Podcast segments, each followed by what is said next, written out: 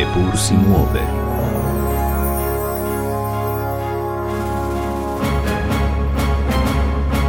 In vendar se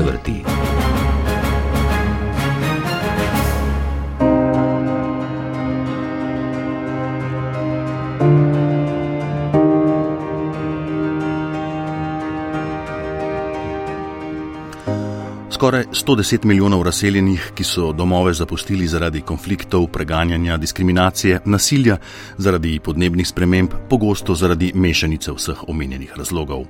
Enaki vzroki kot v zadnjem obdobju, a vse več razseljenih. To so strnjene ugotovitve Visokega komisarjata za begunce Organizacije Združenih narodov. Beguncev je torej iz leta v leto več. Zakaj tokrat? So neuzdržne razmere v obstoječih kriznih žariščih še toliko hujše ali pa k porastu pripomorejo nova krizna žarišča? Letošnje številke so više zlasti zaradi vojne v Ukrajini. Razseljenih je toliko, kot jih ni bilo še nikoli doslej. Dobrih 108 milijonov. To je skoraj 20 milijonov več kot leto prej in predstavlja najvišji porast do sedaj. Primerjalno gledano je to, to število prebivalstva držav, kot so Ekvador, Nizozemska ali Somalija. Slišali ste Romano Zidar z komisarjata za begunce v OZN. Vprašam jo, kje si večina išče varno pribežališče. Je to znotraj svoje države ali prebegnajo na tuje? Ljudje, ki se selijo zaradi uh, vojn, spopadov, preganjanja, kršitev človekovih pravic, uh, največkrat poiščejo zaščito znotraj držav, v katerih se nahajajo. Uh, zdaj naša statistika zadnja, pregled statistike pravi, da je skoraj 60 odstotkov vseh prisilno razseljenih oseb bilo notranje razseljenih. To pomeni, da ostanejo v državi, v kateri se nahajajo in poiščejo nekako zatočišče v neki drugi regiji, uh, pri sorodnikih, um, pri ljudeh, ki so jih pripravljeni sprejeti, oziroma pri humanitarnih organizacijah, ki tam ponujajo in zagotavljajo neke oblike pomoči. Um, zdaj naša statistika nekako kaže, um, da je zatočišče v drugih državah, največkrat so to sosedne države, v tem primeru govorimo o beguncih, poiskalo zatočišče 35 milijonov ljudi, to je nekaj več kot 30 odstotkov vseh prisilno razseljenih oseb. Za mednarodno zaščito, ki se mi zdi, da je nekako največje jabolko spora, pa tudi nekaj, o čemer se največ, o čemer se največ govori, velikega medijskega diskurza, eh, je lanskem letu zaprosilo 5,4 milijona ljudi na svetu, kar predstavlja 5 odstotkov celotne begunske populacije oziroma populacije prisilno razseljenih oseb. Um, ostaja pa tudi 5,2 milijona ljudi, ki bi potrebovali mednarodno zaščito zaradi različnih razlogov. Največ beguncev sprejema Turčija in sicer več kot 3,5 milijone, Iran ne zaostaja prav dosti, sledijo Kolumbija z 2 milijonoma in pol, Nemčija z dobrima 2 milijonoma ter Pakistan z 1,7 milijona sprejetih beguncev. Kaj nam povedo te številke? To, da v boju za preživetje ljudje ne izbirajo držav z najvišjim življenjskim standardom, pač pa z minimalnimi varnostnimi standardi, kar tri četrtine se jih zateče v nizko ali srednje razvite države. Predvsem je ta zmotna neka predpostavka, ki velja v javnosti, da begunci zelo premišljeno izbirajo državo, ker bodo našli zatočišče. Podatki so nedvomni, 70% beguncev, 70% je konc leta 2022 živelo v sosednjih državah. Kot omenjene države, države z najnižjimi dohodki gostijo nesrazmerno velik delež beguncev, eh, tako v smislu deleža beguncev glede na prebivalstvo, kot razpoložljivih virov, ki jih ima znotraj držav. Eh, mogoče čisto kot zanimivost, eh, v bistvu je te države, ki gostijo največ beguncev, predstavljajo 9 odstotkov celotne svetovne populacije, ustvarjajo nič cela pet svetovnega BDP-ja, gostijo pa 16 odstotkov vseh beguncev. Mogoče, ker ste omenili Turčijo, v bistvu Turčija šteje, ko statistično, kar se tiče našega statističnega pregleda k Evropi, um, kar pomeni, da je v bistvu koncev lanskega leta Evropa, torej ključno s Turčijo, gostila dobro tretjino, 36 odstotkov vseh beguncev, ampak je največji delež seveda beguncev se nahaja v Turčiji, to so največkrat begunci iz Sirije in Afganistana. Um, če odštejemo ta delež beguncev, ki so v Turčiji, torej teh 10 odstotkov svetovne begunske populacije, ki jo gosti Turčija, je Evropa gostila četrtino, malo več kot četrtino, 26 odstotkov vseh beguncev.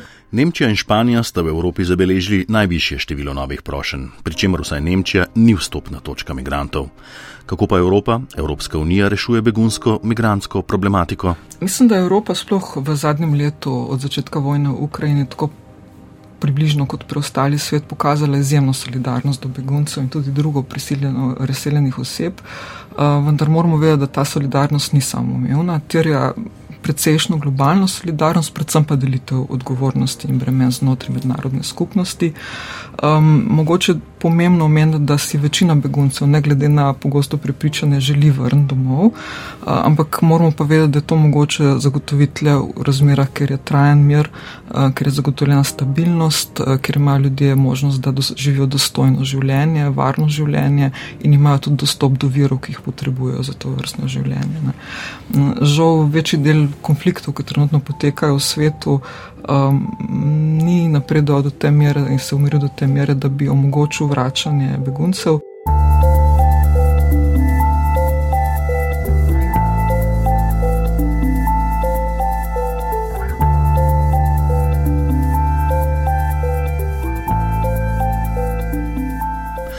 Smo na pragu reforme azilne in migracijske politike v Evropski uniji, a verjetno je ta ocena nekoliko pretirana.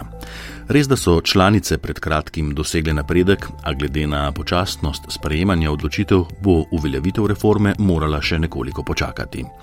Evropa je pred osmimi leti postala izbira sto tisočev, ki so si tu želeli poiskati mirno zatočišče. Stara celina na to ni bila pripravljena in ni niti danes, ko je prihodov bistveno manj. Predlog reforme azilne in migracijske ureditve se skozi pogajalske postopke vleče že leta.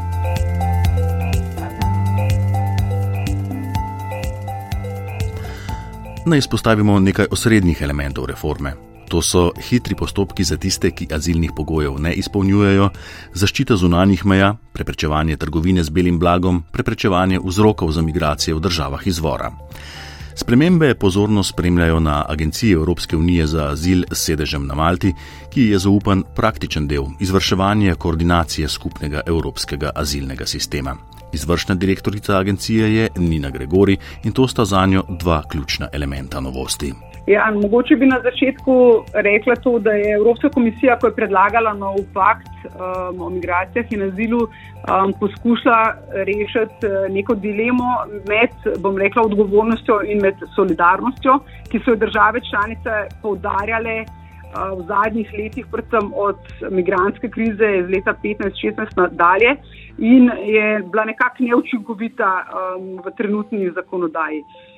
Zato, so, zato je Evropska komisija in zdaj, seveda, ko je bil dosežen nek dogovor med državami članicami, ti elementi še vedno ostajajo. Gre za krepitev določenih ukrepov na zunanjih mejah Evropske unije. S tem je bila predlagana nova uredba o tako imenovanem screeningu, kjer poudarja varnostno komponento in pa potem um, je bila predlagana nova uredba o azilnih postopkih, ki opredeljuje natančno meni postopek.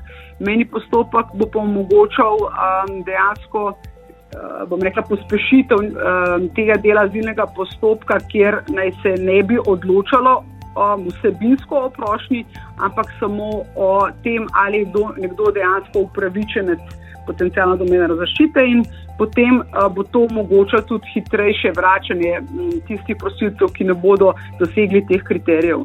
Uh, Medtem ko na strani solidarnosti pa se pred, predlaga tako imenovano obvezno solidarnost in tudi tukaj so določeni ukrepi trenutno v pravnih podlagah, ki bodo omogočali seveda um, neko relokacijo prosilcev za mednarodno zaščito ali pa drugačne prispevke držav članic um, v, v tako imenovanem solidarnostnem paketu. Če se morda enostavno sliši ukrep, da bi nov sistem zagotavljal učinkovito, hitro vračanje tistih, ki ne izpolnjujejo pogojev za zaščito varne države, pa je nekoliko bolj težavno določanje, kaj in katere so varne države. Ne na zadnje, naj bi se države sprejemnice same odločale o tem, katere države ali deli držav so varni. Ja, tukaj je v bistvu na nek način naša agencija lahko igra zelo pomembno vlogo, zaradi tega, ker um, uredba o naši agenciji določa, da agencija pripravlja poročila, o, m, torej generalna splošna poročila o a, varnih državah, bodi si o varnih državah izvora ali pa o varnih tretjih državah. In ta koncept mejnega postopka se veže seveda na opredelitev takih držav. Trenutno je res, kot ste vi ugotovili v zakonodajnem predlogu, ki je bil potrjen torej na svetu, naj bi bilo zdaj to, ta opredelitev izključno v rokah držav članic, ampak seveda ta pogajanja še niso končana, ne zakonodaja gre sedaj. Sedaj v, parla, v, v trialog z Evropskim parlamentom in bomo videli, kakšen bo izid. Kar 70 odstotkov beguncev se umakne v države v sosedski konfliktov, ne pa v bogate države, kakšne možnosti za uresničitev imajo ideje, da bi varne točke, namestitvene centre, uspodbujali blizu žarišč konflikta, kar bi pozneje, ko se razmere umirijo, omogočalo hitrejše vračanje beguncev. Ja, te ideje so, so na mizi že kar nekaj let. Eh, ne gre zdaj za nekaj, bom rekel, neko, neko veliko novost, določene države članice seveda smatrajo, da bi bilo, da bi bilo taka, takšna pač politika. Mm, obravnave prosilcev za mednarodno zaščito in pomoč uh, državam tranzita uh, bolj nekak, na nek način bolj, bolj um, pomembna ali pa da bi bilo lažje jo uveljaviti. Druge države pa se s tem ne strinjajo. Ampak ta, ta ideja trenutno ni na mizi, ko govorimo o paktu, um, ampak verjamem, da se bodo pa razprave o takih idejah še nadaljevale na nivoju Evropske unije in tudi globalno, ker ste omenili pač visoki komisarat eh, za, za begunce. Predvsej nenavadno se sliši že poimenovanje mehanizma obvezna solidarnost. V skladu s tem bi morale manj obremenjene članice Unije sprejeti določeno število prosilcev za azil iz držav, ki so bolj izpostavljene migracijskim pritiskom. Če tega ne bi želeli storiti, pa bi morale te članici plačati določen znesek.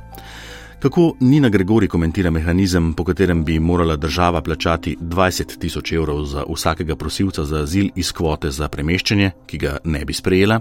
V praksi ne, je takšen način solidarnosti izvedljiv in je mogoč. Uh, vprašanje pa, kako se bo obvezna solidarnost interpretirala na koncu pogajanja, kot sem rekla, trialog s parlamentom še poteka, bomo pa seveda videli takrat, ko bo zakonodaja, če bo sprejeta.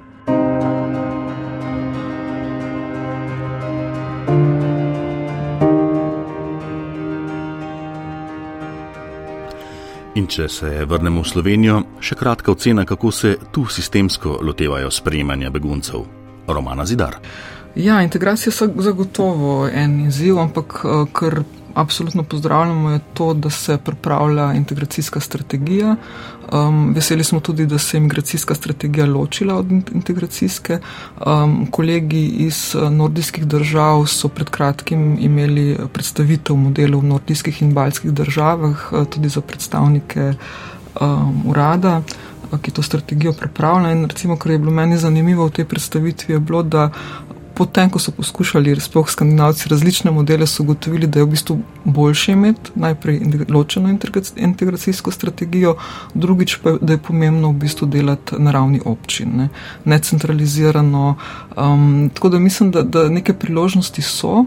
Um, tudi migracijska strategija, imamo dost uh, visoko upanje, da bo uh, vključevala poseben stebr, uh, kar se tiče beguncev, prosilcev za mednarodno zaščito. Um, tako da mislim, tako ne bi rekla, da, da je odziv zelo slab. Uh, mogoče je včasih so pač postopki um, predolgi, predolgo trajajo, uh, včasih smo zelo tehnicistični v interpretaciji zakonodaje, ne, tako zelo osko gledamo posamezne pravice. Um, ampak še kakor se presoja vsak primer posebej, ker je res neka dobra praksa in je tudi uh, nekaj, kar naša država dosti dobro počne. Um, mislim pa, da je ta mentaliteta, da smo tranzitna država, uh, predvsej vplivala na to, da nismo razvijali kapacitet. Uh, da smo se mal pretvarjali, da bo problem minil ne, in da bodo ljudje šli mimo. A ljudje ostajajo in drugot po svetu še naprej z domov odhajajo. Migracije, kot slišano, so v porastu in kaže, da bodo še naprej, saj so v porastu tudi konflikti, razplamtevajo se krizna žarišča, ni manj preganjan, ni manj diskriminacije in nasilja. In vse več je še nečesa, kar tiči na samem izvoru množičnih migracijskih tokov in to so podnebne spremembe.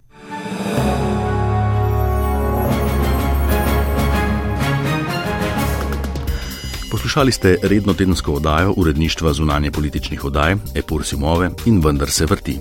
Pripravil sem jo Luka Robida, zvokovna obdelava Vito Plavčak.